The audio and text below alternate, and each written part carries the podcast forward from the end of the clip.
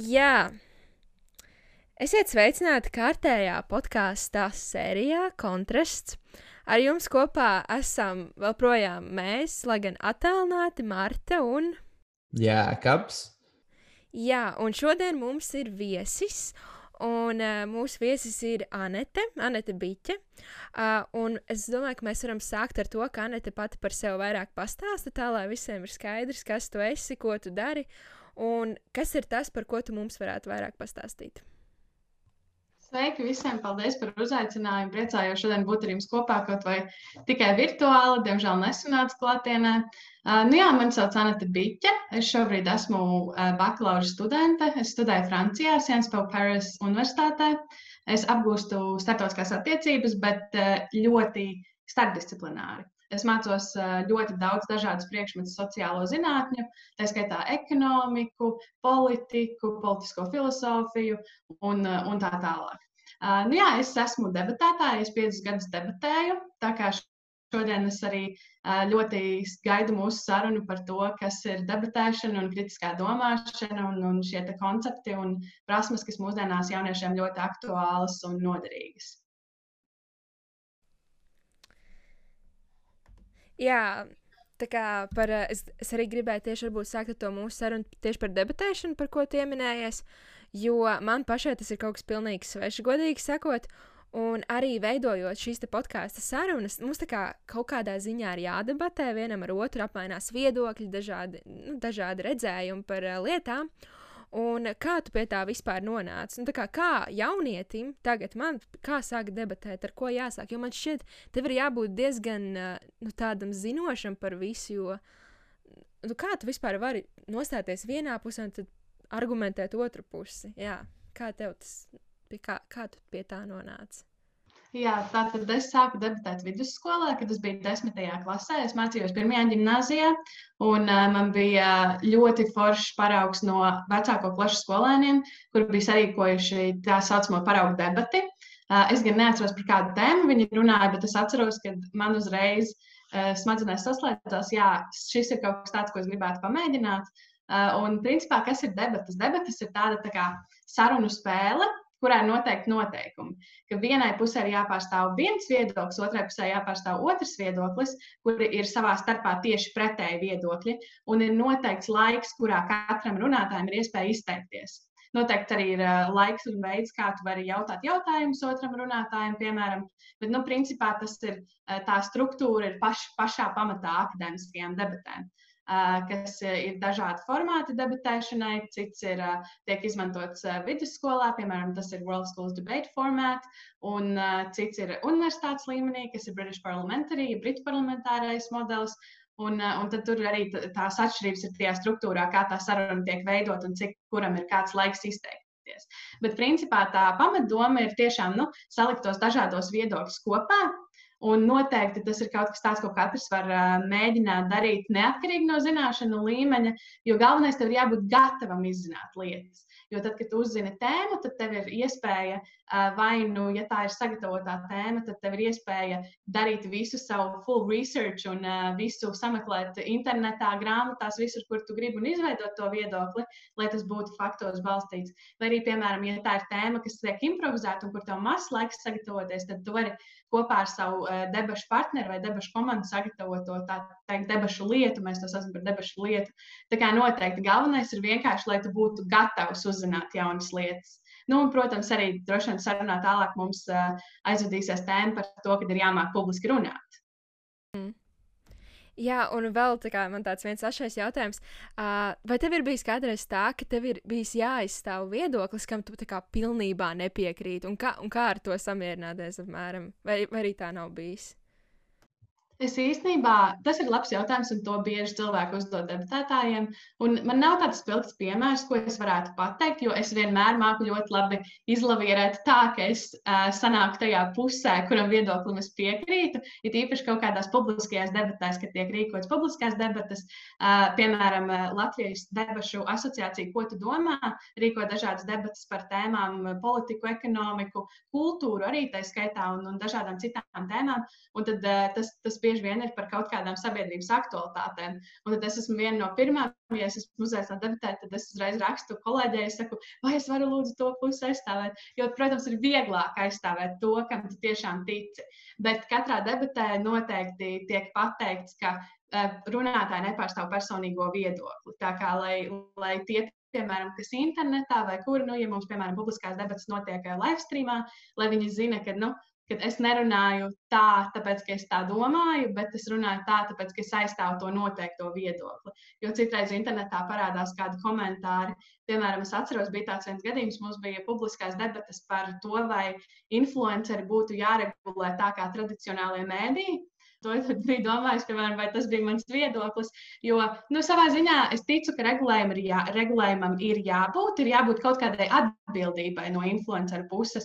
Bet uh, noteikti tas nebija tik strikts regulējums, kā mēs toreiz bijām izveidojuši debešu lietu, lai aizstāvētu šo regulējumu. Un tad influenceris atceros komentēja un teica, mūs visi uzskata par sliktiem cilvēkiem, tā, bet nu, tas jau nav mūsu personīgais viedoklis. Tāpēc ir svarīgi arī nu, tāds debats tomēr veidot kaut kādu publisko diskusiju, kas ir vairāk iekļaujoša un pārstāv tomēr dažādāks viedoklis arī nekā tikai tos divus polārās puses.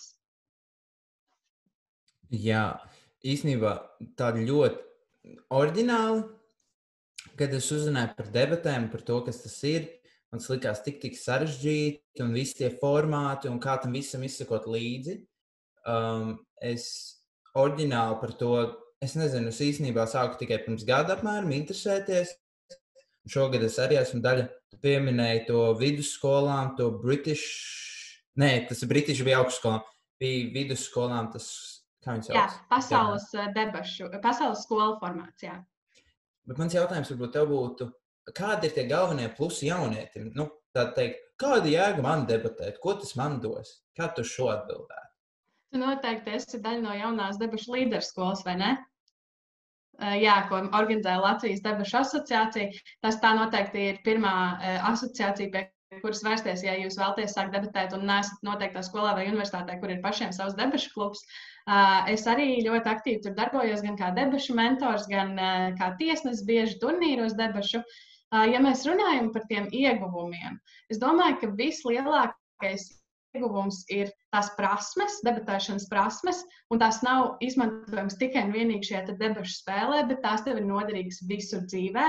Tas pirmā lieta, ko es vienmēr saku, kas ir man personīgi bijis vislielākais iegūms, ir tas, kā uh, sintēzēt tekstu, un otrs ir tas, kā veidot un struktūrēt argumentu. Tas ir divas ļoti svarīgas lietas. It īpaši, ja tu uh, dodies studēt, it īpaši, ja tu dodies studēt sociālās zinātnīs, kur ir ļoti daudz jālasa visādi filozofi un vēsturnieki un gari teksti, lai tu zinātu aptuveni, kā tas uh, teksts ir strukturēts un kur ir svarīgākās lietas, kas tev ir jāatcerās pēc tam. Un arī tā sava argumentu veidošana ir palīdzējusi gan man vidusskolā rakstīt esejas eksāmenos, gan universitātē tagad rakstot esejas. Uh, īsumā, piemēram, es varu iedot jau tādu paraugu lai tiem, kas klausās, varbūt ir noderīgi, eh, kā es pareizi rakstīt, uh, ir statement, ex, ex, explanation un example. Ja latviešu tas būtu nu, tāds īsais uh, ievadu nosaukums argumentam, tad būtu paskaidrojums un tad dzīves piemērs. Nu, es ticu, ka dažiem tiem, kuriem ir paveicies ar vēstures skolotājiem, varbūt jūs jau esat šo dzirdējuši, bet šī visvienkāršākā struktūra ir visefektīvākā. Un, ja tu to atceries un tu to tiešām izmanto eksāmenos, jau par struktūru tu dabūsi ļoti daudz labus punktus, pat ja tev saturs būs tāds, nu, 50-50. Nu, tā es vismaz domāju, man tā vienmēr ir licies, ka tie ir bijuši tie lielākie ieguvumi. Un, protams, arī tā kopiena, jo mēs visi esam cilvēki, kas eh, nu, ļoti uh, seko līdzi laikam, seko līdzi aktualitātēm, cenšas kritiski izvērtēt lietas un notikumus, un uh, esam gatavi viens otru atbalstīt un cīnāmies arī nu, savā ziņā par to, lai sabiedrība būtu informēta par aktualitātēm un uh, balstītos zinātnē, zinātnē uh, piemēram, nu, kaut vai par šīm pašām maskām. Mēs nesen arī izlikām uh, sociālajos tīklos postu, kur mēs visi debatētāji bijām ar maskām arī, lai paustu savu atbalstu šim zinātnē balstītajam, zinātnē balstītāju nostādi.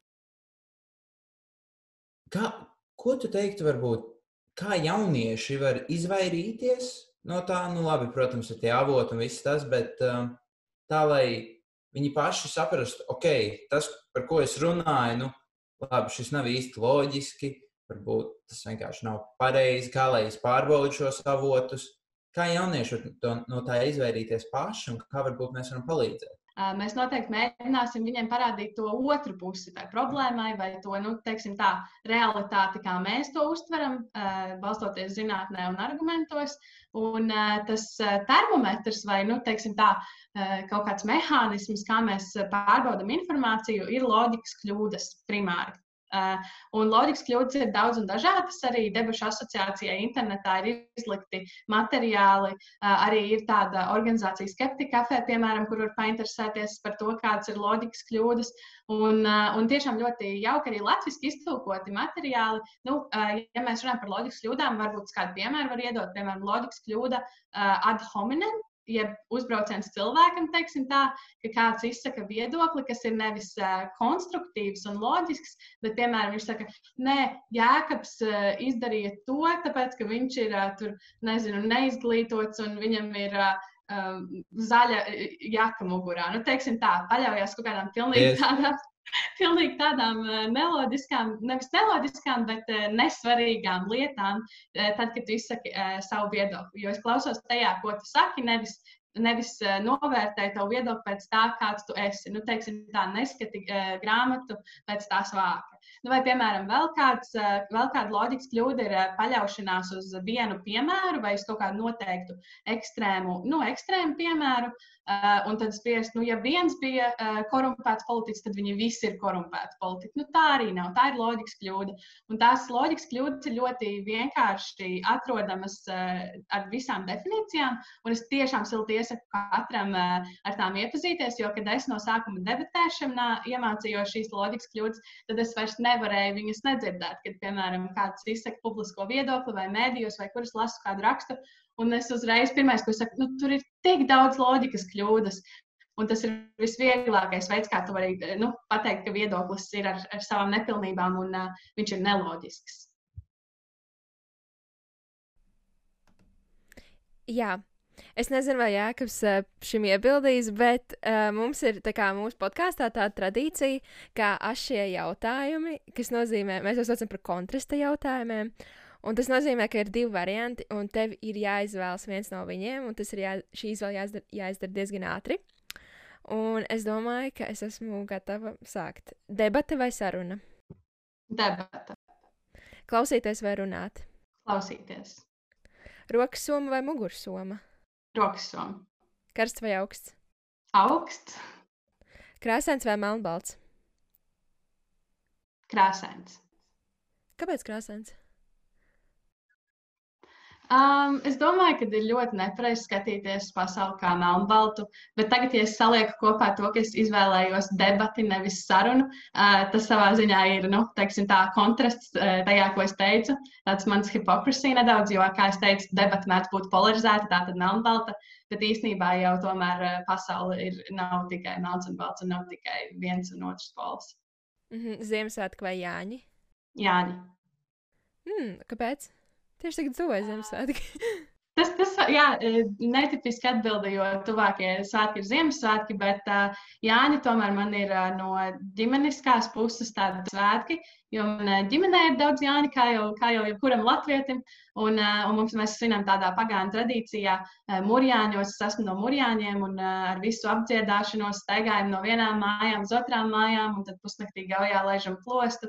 Tā, tās ir manas saiknes ar to latvisko, latvisko dabu. Tā kā Jānis man ir tiešām sirdī tuvāki svētki. YouTube vai Netflix? Uh, YouTube. Mm -hmm. uh, tu vispār skaties Netflix kā tādu? Es vai skatos, ko tu ieteiktu? Esmu... Jā, um, es skatos uh, ļoti daudz TV šovus, kas ir uh, parasti netipiski. Es nezinu, kāpēc, bet cilvēki ir pārsteigti, kad es saku, ka es to daru, jo es daru ļoti daudz dažādas nu, tādas pilsoniskās aktivitātes, un es ļoti citīgi mācos. Jā. Un, un, un cilvēki parasti prasa, nu, kur tad man vispār ir laiks Netflixam. Bet, uh, Pat ja man sanāk upurēt miegu, man patīk arī tomēr skatīties tādas radošas, uztvert radošāku informāciju un novērtēt uh, arī TV šovus un filmas. Um, es, ko es varētu ieteikt? Nu, pēdējais, ko es nostījos, bija Queen's Gambit, kas man ļoti patika no, no cinematogrāfiskās puses. Tiešām ļoti, ļoti baudāms šovs. Un Jā. arī nu, par to sieviešu, tā teikt, uh, women's empowerment. Uh, un Jā. to, kā sieviete var izsusties lauciņā, kurā viņai ir diezgan ierobežotas iespējas. Uh, Tā kā es noteikti ieteiktu nostīties. Man tā patika tā pēdējā sērija, kad viņi tur sazvanījās. Tu esi redzējis līdz galam, vai ne? Jā, es esmu. Yeah. Ah, gan drīz izspoiloju, vajadzēja pirms tam pajautāt. Jā, labi. Um, e-pasts vai vēstule? E-pasts. Uh mhm. -huh. Un pilspāle vai zīmols, tas būs pēdējais? Pilspāle. Ok. Man vispār, klausoties šos ašos jautājumus, rodas tik daudz jautājumu.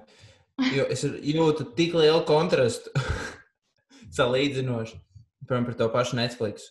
Tu teici, ka, jā, tu esi aktīvs cilvēks, kā tev ir pietikt laika Netflixam. Un tas ir par mani. Jo man personīgi šķiet, nu, es neesmu filmu cilvēks vai seriālu. Es nezinu, es ļoti reti skatos filmas vai seriālus.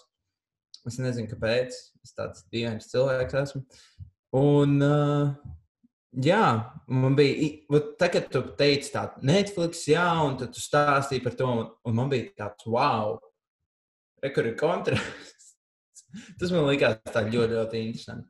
Es gribēju pajautāt arī par, tur bija klausīties vai runāt, un tu teici klausīties. Kāpēc? Tas man visvairāk interesē. Jā, nu, debatēšanā arī vissvarīgāk ir klausīties. Jo jāsaprot otrs cilvēks, ko viņš saka, un tu nevari aiziet vienkārši kareivnieciski ar savu pozīciju. Tev ir jāsaprot oponenta argumenti un jāņem, jāuztver tie, uh, as they were the most bulletproof arguments. Tev ir jāņem viņi at their best. Tā kā tev ir jāuztver, ka it kā tas viedoklis ir, nu, ka tas viedoklis ir, uh, nu, ne, neteiksim pareizs, bet uh, ļoti spēcīgs un tev, un tev ir tiešām nu, jāatspēko viņš nevis vienkārši atspēkojot tos piemērus iz dzīves, bet tiešām tajā pašā esencē tev viņi ir jāatspēko. Un, ja, ja mēs runājam par kaut kādām citām pilsoniskām aktivitātēm, piemēram, es esmu bijusi jauniešu saimā, Un, un, un, un esmu arī nu, braukājusi gan apkārt pa Latviju, runājusi ar jauniešiem skolās un, un vis kaut kur. Un man ļoti, ļoti patīk vispār veidot sarunas ar cilvēkiem un iepazīt cilvēkus, un klausīšanās noteikti ir pašā tā pamatā. Un uh, man vienreiz vienā diskusijā uh, īstenībā, ah, es jau varu arī pateikt, uh, es atceros, tas bija uh, Mārtiņš Staks, mūsu jaunais mērs, kurš uzdeva diskusijā uh, Tērbats ielā vasarā, kuras runāja par jauniešu aktīvismu. Viņš uzdeva jautājumu, kā uzrunāt jauniešu auditoriju. Un, eh, un, un es teicu, nu, jādomā nevis par uzrunāšanu, bet par ieklausīšanos. Jo katrs cilvēks būs atvērts sarunai tikai tad, ja tu būsi atvērts viņu uzklausīt. Nevis vienkārši atnākt un nolasīt savu penteri. Tāpat tās arī, nu, kad mēs rakstām tiem draugiem, kas tic sadzvērstības teorijām, nu, cenšamies saprast, kāpēc viņi tam tic. Un, un, un tad esam draudzīgi un esam atvērti un veidojam dialogu. Nevis vienkārši pasakām, nē, nu, tu esi galīgi tups, piemēram. Ja? Jā, man patīk, ka tu pieminēji jauniešu saimu, jo tā bija arī vēl viena tēma, par ko es vēlējos pajautāt. Jo, manuprāt, šī gada martā bija laikam sanāk, ka tā būtu bijis desmitā saima. Es nezinu, vai viņa beigās sanāca vai nē, jo es pati lasīju, un man bija doma, ka varētu pat pieteikties, bet tur bija jāuzraksta kaut kāda iniciatīva vai projekts. Nu, kaut kas tāds. Un tad uzreiz man tā kā rokas nolādās, jo tajā brīdī man nebija īsti tādu ideju, ko es varētu tā tagad ļoti labi aprakstīt, un tad vēl vākt balsis. Nu, nebija uzreiz tā motivācija. Un tad man bija jautājums, kā tu par to uzzināji, kā nokļuvi un kas ir. Eh, tas, ko visvairāk var paņemt no saimas, man ir ļoti daudz jautājumu, bet vai, vai viņi kaut kādā arī ziņā uh, tev iemāca pēc tam, ja tu, piemēram, nākotnē tur gribētu nokļūt, kas ir vislīdzīgākais uh, īstajā saimā un jauniešu saimā? Tas tāds garš jautājums. Superīgs jautājums. Man ļoti patīk runāt par jauniešu saimu, jo tāpat kā debatas, arī tas man ir daudz ko devis. Ir īpaši ļoti plašu tādu paziņu loku no visdažādākajiem politiskajiem, ar visdažādākajiem politiskiem uzskatiem un, un arī apolitiskiem uzskatiem. Un, Un, un, un arī ļoti tuvus kolēģus un draugus un cīņas biedrus, piemēram, Natālija Knipša. Noteikti, noteikti arī viņai var piesakot Instagramā cilvēki, kas interesējas par jauniešu aktīvismu, jo viņi bieži vien dod labus padomus, kā, kā iesaistīties.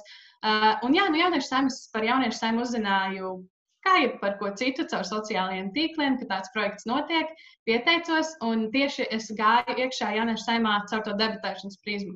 Jo mans priekšlikums bija par debašu kultūras stiprināšanu Latvijā, ka skolās mācību saturā būtu jāievieto šī debatēšana. Un, eh, un, eh, nu, tieši tādēļ, ka es redzu šos plusus, eh, tās prasmes, ko jaunieši iemācās, kas tiešām būtu noderīgs Latvijai kopumā visai sabiedrībai un arī katram individam savā profesionālajā izaugsmē. Un, un, jā, un īstenībā es ļoti sabādājos, ka tu teici, ka tu nepieteicies, jo nu, tur tas priekšlikums tev nav. Tas, nu, tā, tas ir jauniešu projekts, un uh, mūsu tāds, uh, nu, mērķis ir iesaistīt pēc iespējas vairāk jauniešus. Uh, un, un tur nav noteikti jāraksta bakalaura darbs, lai iestātos iekšā vai kāds liels pētījums. Uh, vienkārši pāris teikumos aprakstīt to savu iniciatīvu, un tad uh, nu, padot tālāk savējiem, lai nobalso un, un, un tevi ievēl tajā jauniešu saimā. Uh, jo tas, tas pamatmērķis ir parādīt, kā likumdošana notiek.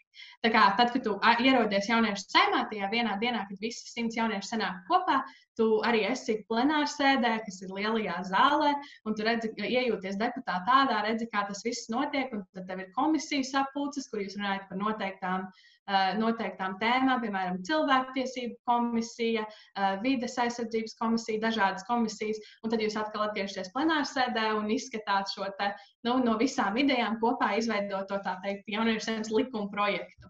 Un, eh, un tas lielākais ieguvums ir tiešām, nu, ka tu saproti, kā strādā valstī tā nu, likuma izstrāde.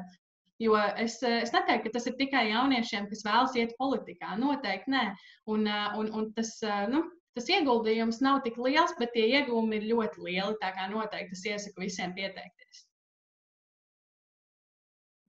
Nu, izklausās īstenībā ļoti interesanti. Es arī esmu skatījies par to, bet tas bija tajā laikā, varbūt, kad man tieši tā politiskā iesaiste nebija tik interesanta nu, personīgi.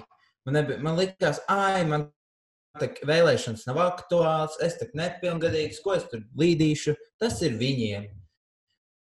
Un tagad man tieši ir otrādi, ka man par to ir ļoti liela interese. Un es arī caur klubs māju, piemēram, daudz vairāk iesaistos tajā jauniešu politikā. Un, jā, varbūt ir vēl kaut kāda veida, kā mēs varam iesaistīties, un varbūt ir kāda veida, kā mēs varam, piemēram, savus vienaudžus motivēt. Kā, kā mēs varam izglītot savus vienaudžus par to, kas vispār ir, nu, kāpēc tas ir tik svarīgi. Jo personīgi man šķiet, ka tas ir ļoti, ļoti svarīgi. nu, ka mēs zinām, kas notiek un kā tas notiek. Jā, nu, kopumā es domāju, ka dēļ tā eh, nu, PSRS mantojuma mentalitātes uh, ir palicis sabiedrībā nedaudz tāda nostāja, ka politika tomēr ir tas eh, deputātu kopums vai, teiksim, tā valsts institūcijas, ja saima un valdība, un tas viss ir ļoti tālu no mums. Bet īstenībā tas, ko es esmu iemācījusies gan vidusskolas laikā, jau gan arī universitātē, tīpaši studējot Rietumē Eiropā, ir tas, ka politika īstenībā ir viss, kas ar mums notiek, kā ar sabiedrību kopumā. Uh, jebkura saruna ir politiska saruna, jo viens cenšas ietekmēt otru ar noteiktu viedokli.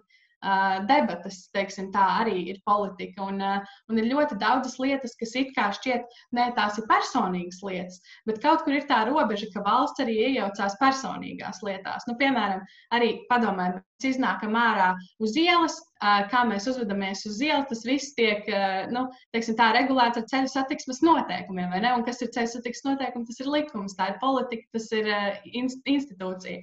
Un, un, un tāpēc domāju, ka ir forši, ka mēs kā, jau sākam runāt par to, ka tā, tā politikas definīcija tomēr ir daudz, daudz plašāka. Un ir īpaši bēdīgi noskatīties to, kas notiek Baltkrievijā un Polijā ar cilvēktiesību pārkāpumiem, ka, piemēram, tiek ierobežoti aborti un LGBT kopienas tiesības, un cilvēkiem netiek dota iespēja piedalīties brīvās un, un neatkarīgās vēlēšanās, godīgās vēlēšanās, jo tās viss ir tās pamattiesības, kam būtu jābūt visur pasaulē, visiem, visa, visiem individiem pieejamām. Un, lai kaut kas tāds nenotiktu, tur tu es pārstāvjos par plecu arī mūsu mūsu valstī mums ir jābūt visu laiku iesaistītiem, un mums ir jābūt informētiem, ka tā var būt sliktāk, un lai nebūtu sliktāk, tad mums vajadzētu būt aktīviem dalībniekiem to, to kas notiek sabiedrībā. Un uh, ne tikai ar dažādiem šiem jauniešu pilsoniskajiem uh, pasākumiem, uh, kā piemēram jauniešu, nu, nevis pasākumiem, bet projektiem, kā piemēram jauniešu saimai, vai, vai iesaistoties debatēs, vai būt brīvprātīgajiem kādā dzīvnieku patversmē. Uh, bet uh, arī nu, tiešā veidā iesaistoties politikā. Vai, nu, piemēram, iestājoties kādas noteiktas politiskās partijas jaunatnes nodaļā, es zinu, parasti jaunieši ļoti baidās no tā, jo baidās sasaistīt savu vārdu ar kādu noteiktu politisko spēku. Bet īstenībā Francijā man tas piemērs ir radies, kad pilnībā visi mani kursabiedri, nu labi, es pārspīlēju, ļoti liela daļa manu kursabiedru ir kādā noteiktā politiskajā partijā. Un arī, protams, doties uz dažādiem protestiem, demonstrācijām, aktīvi rakstīt vēstules saviem pārstāvjiem, tos, kurus mēs paši esam ievēlējuši, tie, kuriem jau ir 18 un kas var piedalīties vēlēšanās. Un vienkārši es zinu, ka ir grūti piespiest sev būt aktīvam, ja tu esi komfortabls tur, kur tu esi. Vai ne? Ja kāds mums tiešām tā kā Polijā vai Baltkrievijā atņemtu tiesības, tad mēs noteikti varētu mobilizēties, savākties un iet un pieprasīt savas tiesības. Bet galvenais ir atcerēties, ka demokrātija ir jāsargā pati par sevi. Jā, es, te, es arī gribēju te pie, piebilst. Uh, tu minēji par to, ka tu mācies Francijā, studē. Jā. Un uh, ka tur jaunieši ļoti, ļoti kā, iesaistās dažādās politiskās rīcībās. Bet kā vispār kā, Francijā jaunieši atšķirās ne tikai politikā, bet varbūt arī nu, nezinu, kaut kādā ikdienas dzīvē, domāšanas veidā vai, vai un arī vairāk par to, kā viņi tieši iesaistās politikā. Kas tev, ko tu gribētu no Francijas, varbūt paņemt uz Latviju vai no kādas citas pieredzes? Jā, nu, uh, Es esmu savā ziņā Francijā dzīvojusi nedaudz tādā burbulī, nedaudz, jo mana skola uh, tomēr uh, nu, to apmeklē jaunieši, kas uh, ir ar noteiktu uh, izglītības jau tā kā teiksim backgroundu, uh, kas ir uh, arī nu, iespēja finan finansiāli spējīgi atļauties tur būt, kas nāk no ģimenēm ar diezgan tādu labu socioekonomisko stāvokli. Bet, protams, arī esmu gājusi Parīzē arī klimata uh, gājienā kopā ar visdažādākajiem jauniešiem jauniešiem eh, no visurienes. Eh, tā kā nu, tās pieredzes ir bijušas dažādākas, nedaudz tas burbulis ir bijis, un es to apzinos. Tā kā varbūt tas piemērs arī par to politisko iesaisti. Nu, um, nu, Teiksim tā, protams, ka cilvēki, jaunieši arī, kas ir no, no tiem labākajiem uh, backgroundiem, uh, ir, ir vairāk uh, spējīgi iesaistīties, jo viņiem nav jāuztraucās par to, ka viņiem ir jāstrādā, lai viņi varētu nosekt uh, savu mācību maksu, piemēram, un tā. Uh, bet tā pozitīvā pieredze no tās, uh, es teiktu, ir no tā, no tā akadēmiskā lauciņa man no Francijas tieši. Jo tas, kas man ļoti patīk Francijā mācoties, ir tas, ka nevis mēs aizejam uz lekciju un mums vienkārši pasaka, ko kāds filozofs teica, un mums pasaka, kas mums ir jāzina, bet mums iedod iepriekš izlasīt noteiktu uh, daudzumu dažādu avotu, Un tad mums ir jānāk uz to diskusiju, skolā, semināru, jau ar savu kaut kādu noteiktu viedokli, kas ir formējies no tās vispārīgās informācijas, kas ir bijis iepriekš, un tad mums ir nu, jau jābūt kaut kādam savam pienesumam. Un tad vairāk tur tiek, eh, teikt, facilitēta, es nezinu, vai latviski, latviski nezinu, kā tas ir sinonīms, tiek veicināta diskusija, nevis vienkārši mums strikti pasaka, kas mums ir jāzina. Jo nu, Latvijā tomēr uh, vidusskolas laikā vairāk bija tā pieredze, kad sēdi, klausies pieraksti un pēc tam atreferē referātu. Jā, nu, jā, nu vispār skola izglītība un tas viss, kā tas notiek un kā tam vajadzētu notikt, tas par to mēs varētu vēl stundas runāt. Ehm, es gribētu vēl tādu pēdējo lietu saistībā ar to jauniešu politiku vai politiku vispārīgi, un mēs varam no tā virzīties prom. Tas tāds galvenā, nu, par demokrātiju, piemēram. Tu pieminēji, ka tā ir svarīga un ka tā ir jāsaglabā un jāsargā. Un kā mēs to varam darīt, un kā mēs viņu varam, piemēram, veicināt, un nu, kā, ka, piemēram, kas tas vispār ir tiem, kas to nesaprot. Nu, tā, tādā vienkāršākā valodā ja tu varētu. Mēs varētu mēģināt bez tādiem terminiem kā facilitēt. Um, nu, uh, demokrātija ir um, manā izpratnē. Uh, tā ir, nu, manā izpratnē mēs runājam par liberālu demokrātiju, jeb demokrātiju, kas nodrošina brīvības. tas ir tā, ka mēs esam ne tikai dzīvojam valstī, dzīvojam režīmā, kurā mums neviens nav neko uzspiedis, mēs neesam okupēti, mēs netiekam uh, uh, represēti, mums netiek, neviens nedara pāri, bet arī tajā pašā laikā mums ir šī pozitīvā brīvība iet un pašiem veidot savu nākotni. Ne tikai nu, tā, tā, ka mēs esam uh, brīvi no ārpuses, bet mēs esam brīvi arī iekšēji, ka mēs paši varam izpausties un pielikt savu roku valsts veidošanā. Un, uh, lai mēs varētu palikt šādā te, uh, režīmā un, un lai mūs uh, nepārņemtu kāds uh, viens valdnieks vai kas, nu, teiksim tā, kāds ar uh, kāds, nu, gobzemam līdzīgs tips vai kāds, kurš māk skaisti runāt un pierunāt sabiedrību, ticēt jebkam. Eh, tad mums pašiem ir jābūt kritiski domājošiem. Kā jau es teicu, eh, varat eh, paši jaunieši iesaistīties debatēs, piemēram, lai mācītos kritisko domāšanu, vai vienkārši painteresēties par loģikas kļūdām. Tas pirm, pirmām kārtām iemācīties nepakļauties šādiem te autoritāriem, autoritāriem līderiem. Uh, un otra lieta ir, protams, pati svarīgākā uh, - piedalīties vēlēšanās. Tas ir primārais, kā tu veic, veic, veic savu pilsoņu pienākumu. Jo, piemēram, pēdējās Eiropas parlamenta vēlēšanās jaunieši Latvijā tikai 13% gāja nobalsot. Uh, kopumā Eiropā bija pieaudzis jauniešu iesaistas skaits, kas ir pozitīvi, bet tagad arī mums vajadzētu Latvijā pievienoties Rietumu Eiropai un, un, un tomēr nu, vairāk aiziet un nobalsot. Uh, it kā šķiet, ka tas varētu būt sarežģīts process, aiziet, uh, nobalsot, bet īstenībā tas aizņem ļoti maz laika. Visvairāk laika aizņem saprast, par ko balsot. Bet es domāju, ka uh, mēdīji arī ir darījuši diezgan labu darbu, lai veidotu tādu saturu, kas palīdz izvēlēties arī jauniešiem, par ko varētu balsot. Kaut vai tā pati LSM šķirotam, kas vienmēr ir pieejama. Nu, kā, nu, es baidos teikt, ka vajadzētu savu lēmumu balstīt tikai uz tādu vienu šķirotavu, bet tas noteikti ir pirmais punkts, kur sākt, eh, kur aptuveni saprast, ar ko man sakrīt vērtības un idejas, un tad jau tālāk paskatīties varbūt tos katrus cilvēkus, par ko tu eh, varētu vēlēt vēlēšanās, un vai viņi tiešām nu, būtu labākie tavi pārstāvi. Jā, es vēl gribēju pievienoties par tām vēlēšanām, ka man tikai šovasar augustā palika 18, tāpēc man šo, šogad Rīgas domas vēlēšanas bija pašas, pašas pirmās vēlēšanas. Un, uh, Man godīgi sakot, tā diena, es aizgāju pašā pirmajā dienā vēlēt, tie bija tā kā tāda svētka, jo man burtiski tajā iecirknī tur viss tur aplaudēja, kad es gāju ārā. Un uh, es vēl gribēju pajautāt par to, ka uh, mūsdienās liela daļa jauniešu pavada ļoti daudz laika sociālajos tīklos. Un es nezinu, šī nav kā reklāma, bet varbūt ir kaut kāda sociālo tīklu konti, kam tu seko, kas varbūt kā, informē jauniešus par kaut kādu politiku, kaut kādām iesaistas iespējām, kam tu pati ieteiktu, varbūt sekot. Tas tā man radās jautājums tagad. Nu, Latvijā, protams, ir diezgan limitētas tādas uh, iespējas, kam sekot. Nu, tam pašam LSM var sekot uh, Instagram, kā, nu, kā Latvijas mēdījiem, jo es arī atzīšos, es esmu tas cilvēks, kas uh, primāri uztver informāciju caur sociālajiem tīkliem. Protams, tāpat tās kā jebkurš jaunietis. Es neesmu atšķirīgi pilnībā nekā.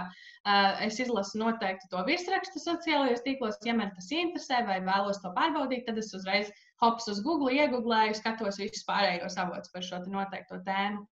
Uh, un tāpat arī ārvalstu mēdīji ļoti uh, labi, kā jūs pieminējāt, BBC, CNN var mierīgi piesakot un ļoti īsi uztvert informāciju par to, kas notiek pasaulē.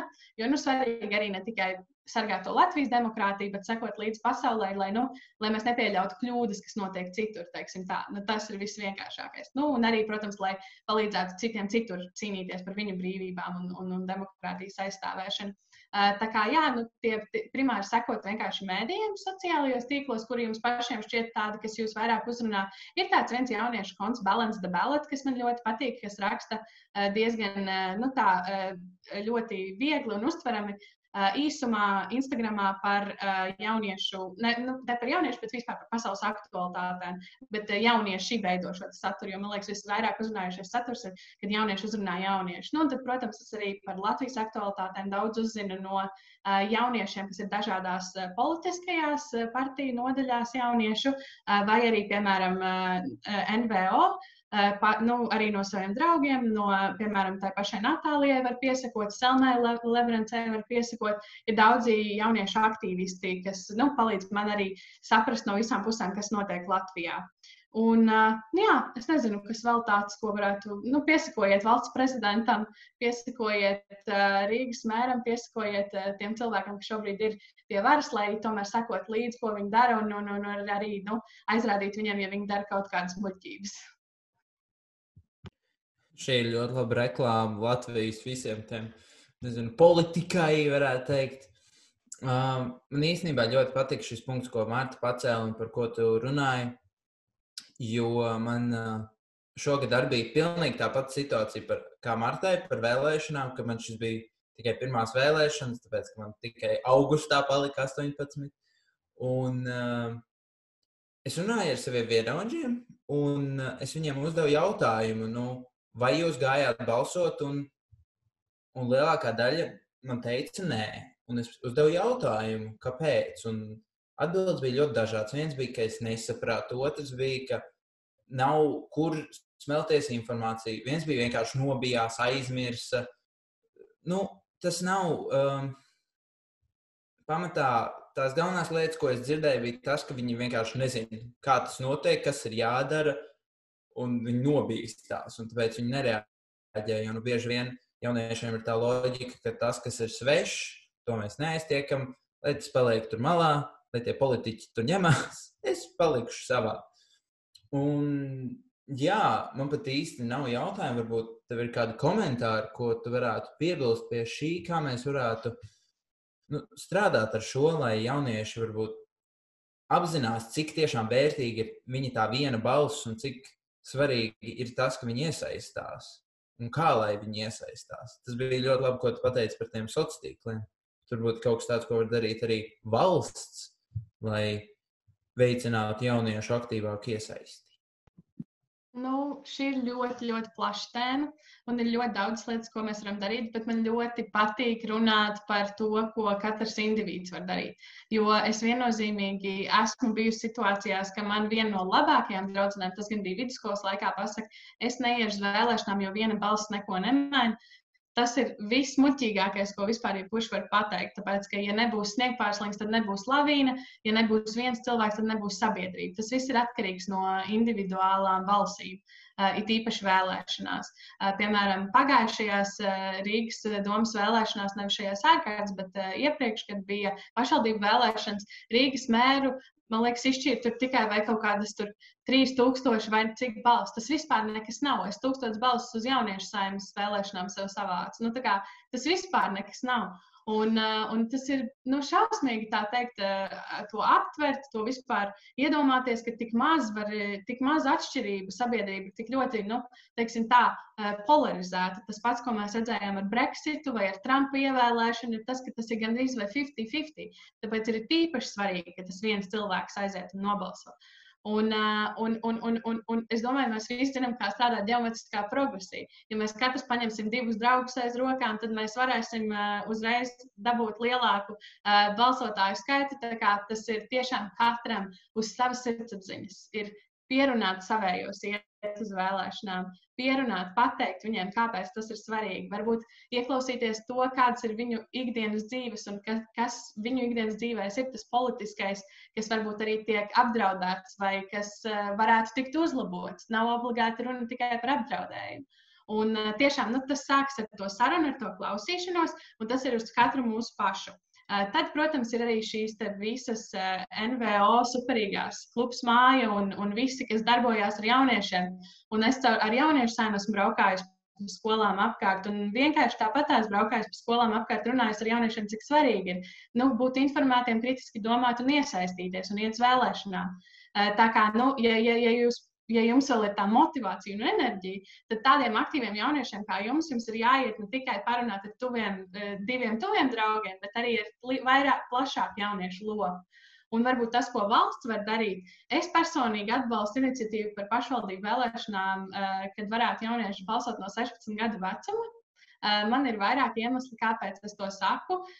Pirmkārt, ir zināms pierādīts, ka nav liela atšķirība domāšanā 16 gadniekam un 18 gadniekam, vai vismaz šajā politiskajā informētībā nav liela atšķirība. Es arī varu atsaukties uz Dauni Aueru, kurus klausījos, kurš ir mūsu latviešu zinātnieks, sociālo zinātņu zinātnieks, klausījos arī saimā vienā diskusijā, kad viņš tieši runāja par šiem pētījumiem un runāja par Austrijas piemēru, kur tā ir jau šī iespēja jauniešiem balsot no 16 gadiem.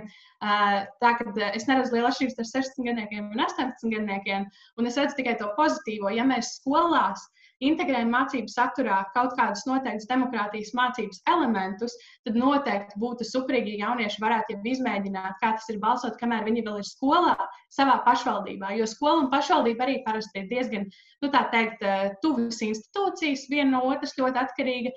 Un, un tās intereses, nu, par skolas interesēm, tu vari balsot pašvaldības vēlēšanās. Un, uh, un tad šis būtu labs treniņš. Uh, un, un, un, un, un parasti ir tā, ka, ja jaunietis aiziet uz vienām pirmajām vēlēšanām, tad viņš noteikti ies arī tālāk. Uh, un, uh, un, un, un, un es redzu pat vēl vienu tādu pozitīvo plusu, ko es varu uzsvērt, ir tas, ka mūsu Eiropas populācija noveco. Mēs paliekam ar vien vecāki. Tas no, nosaka to, ka nu, tas īpatsvars politiskais pār, pārliekas uz to vecāko cilvēku pusi. Ja mēs pieliktu šos divus gadus, kad jaunieši var balsot, tad mēs nedaudz pavelkam to balansu atpakaļ. Un tad līdz ar to arī nu, tā politika, kas mums uh, beigās sanāk, kā tas uh, kopējais viedoklis, nav tik ļoti konservatīva, jo vecāki cilvēki parasti balso konservatīvāk un, un nu, teiksim, tā, nu, pauzē to mūsu progresu. Un tad mēs pavēlkam nedaudz vairāk savu pusi, un es redzu tikai un vienīgi pozitīvo šajā iespējamajā politikā. Es gribēju pacelt jautājumu par šo, par Vote 16 un visu šo, tāpēc, ka mums bija arī Eiropas jaunatnes dialogs ar jauniešiem no visas Eiropas, un tā bija viena no galvenajām tēmām, par ko mēs runājām. Un man īsti nebija varbūt tādas lietas, nu, protams, katram tur bija savi viedokļi, un katrai valstī ir savi iemesli. Un, jā, es nebiju īsti pārliecināts, bet tu man tā ļoti forši pastāstīt tos, tās foršās lietas, un savā ziņā es tam ļoti piekrītu. Es esmu dzirdējis arī par to, jā, ka, ja tu nobalso pirmajā reizē, tad tu nobalso arī pēc tam. Un to es arī ar to es cenšos, piemēram, motivēt uh, savus vienaudžus, kā izēja kaut vai, nu, paskaties kaut vai to pusstundu, kas tev ir tāds aktuālāks, un tādēļ nobalso un, un gaidi nākamās vēlēšanas. Varbūt jau varēs stundu paskatīties, un pēc tam varbūt tev nemaz nevajadzēs, jo būsi ietrenējies un zinās, ko tu vēlējies. Bet jā, tas Vaucikstīna arī tā ļoti plaša tēma un uh, par tiem jauniešiem un to, kā viņus iesaistīt, tas arī man īstenībā liekas ļoti, ļoti vērtīgi. Un vispār esmu ļoti sajūsmā par tām lielajām tēmām, par ko mēs, ko mēs esam aizskāruši šajā podkāstā. Diemžēl tā salīdzinoši minimāli, bet uh, nevar zināt, varbūt uz nākotnē mēs varētu padziļinātāk par to visu runāt. Jā, un es vēl gribēju pieminēt vienu lietu, ka pirms uh, domas vēlēšanām man arī gadījās nedaudz parunāt ar Mārtiņu Staķi, kas tagad ir, kā redzam, mērs. Un viņš arī teica, ka šajās vēlēšanās viss izšķirs, vai jaunieši iesvēlēt. Un uh, man liekas, ka daļēji, kā, nu, principā viņam bija taisnība. Un uh, es arī domāju par šo podkāstu runājot, ka tas, ko es vismaz paņēmu pēc šī līdzi, ir tas, ka jāiet vēlēt, jāmācās debatēt un uh, vienkārši jāskatās arī informācijas kvalitāte. Kā ar tevi, Jākab? Nu jā, man ir ļoti līdzīgi izvairīties no dezinformācijas, kāpēc jauniešu saime ir tik aktuāla un politika vispār.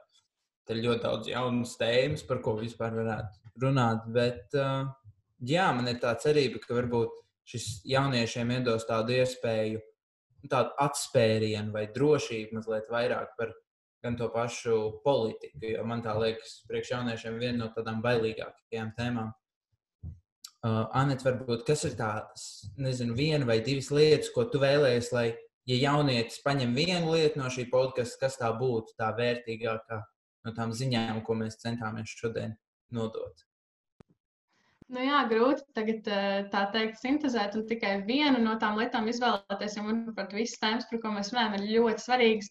Uh, nu jā, bet uh, Marta jau pateica par vēlēšanām, tā kā labi, to es neizvēlēšos kā savu prioritāti. Es teiktu, jaunieši iepazīstieties ar loģikas kļūdām.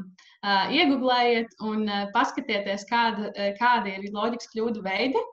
Un, uh, jūs, es ticu, jūs atcerēsieties tos, un kad jūs sāksiet lasīt mēdījus, tad jūs varēsiet uzreiz atkost, kurš ir uh, zinātnē balstīts viedoklis un kas ir vienkārši kaut kāds, uh, nezinu, pufels, lai liktu tev sekot kā aklam cilvēkam, kādam noteiktam politiķim, līderim, ne, ne noteikti politiķim, bet līderim vai vienalga, kā, nu, vienalga kādam viedokļu līderim. Tā kā loģikas kļūdas.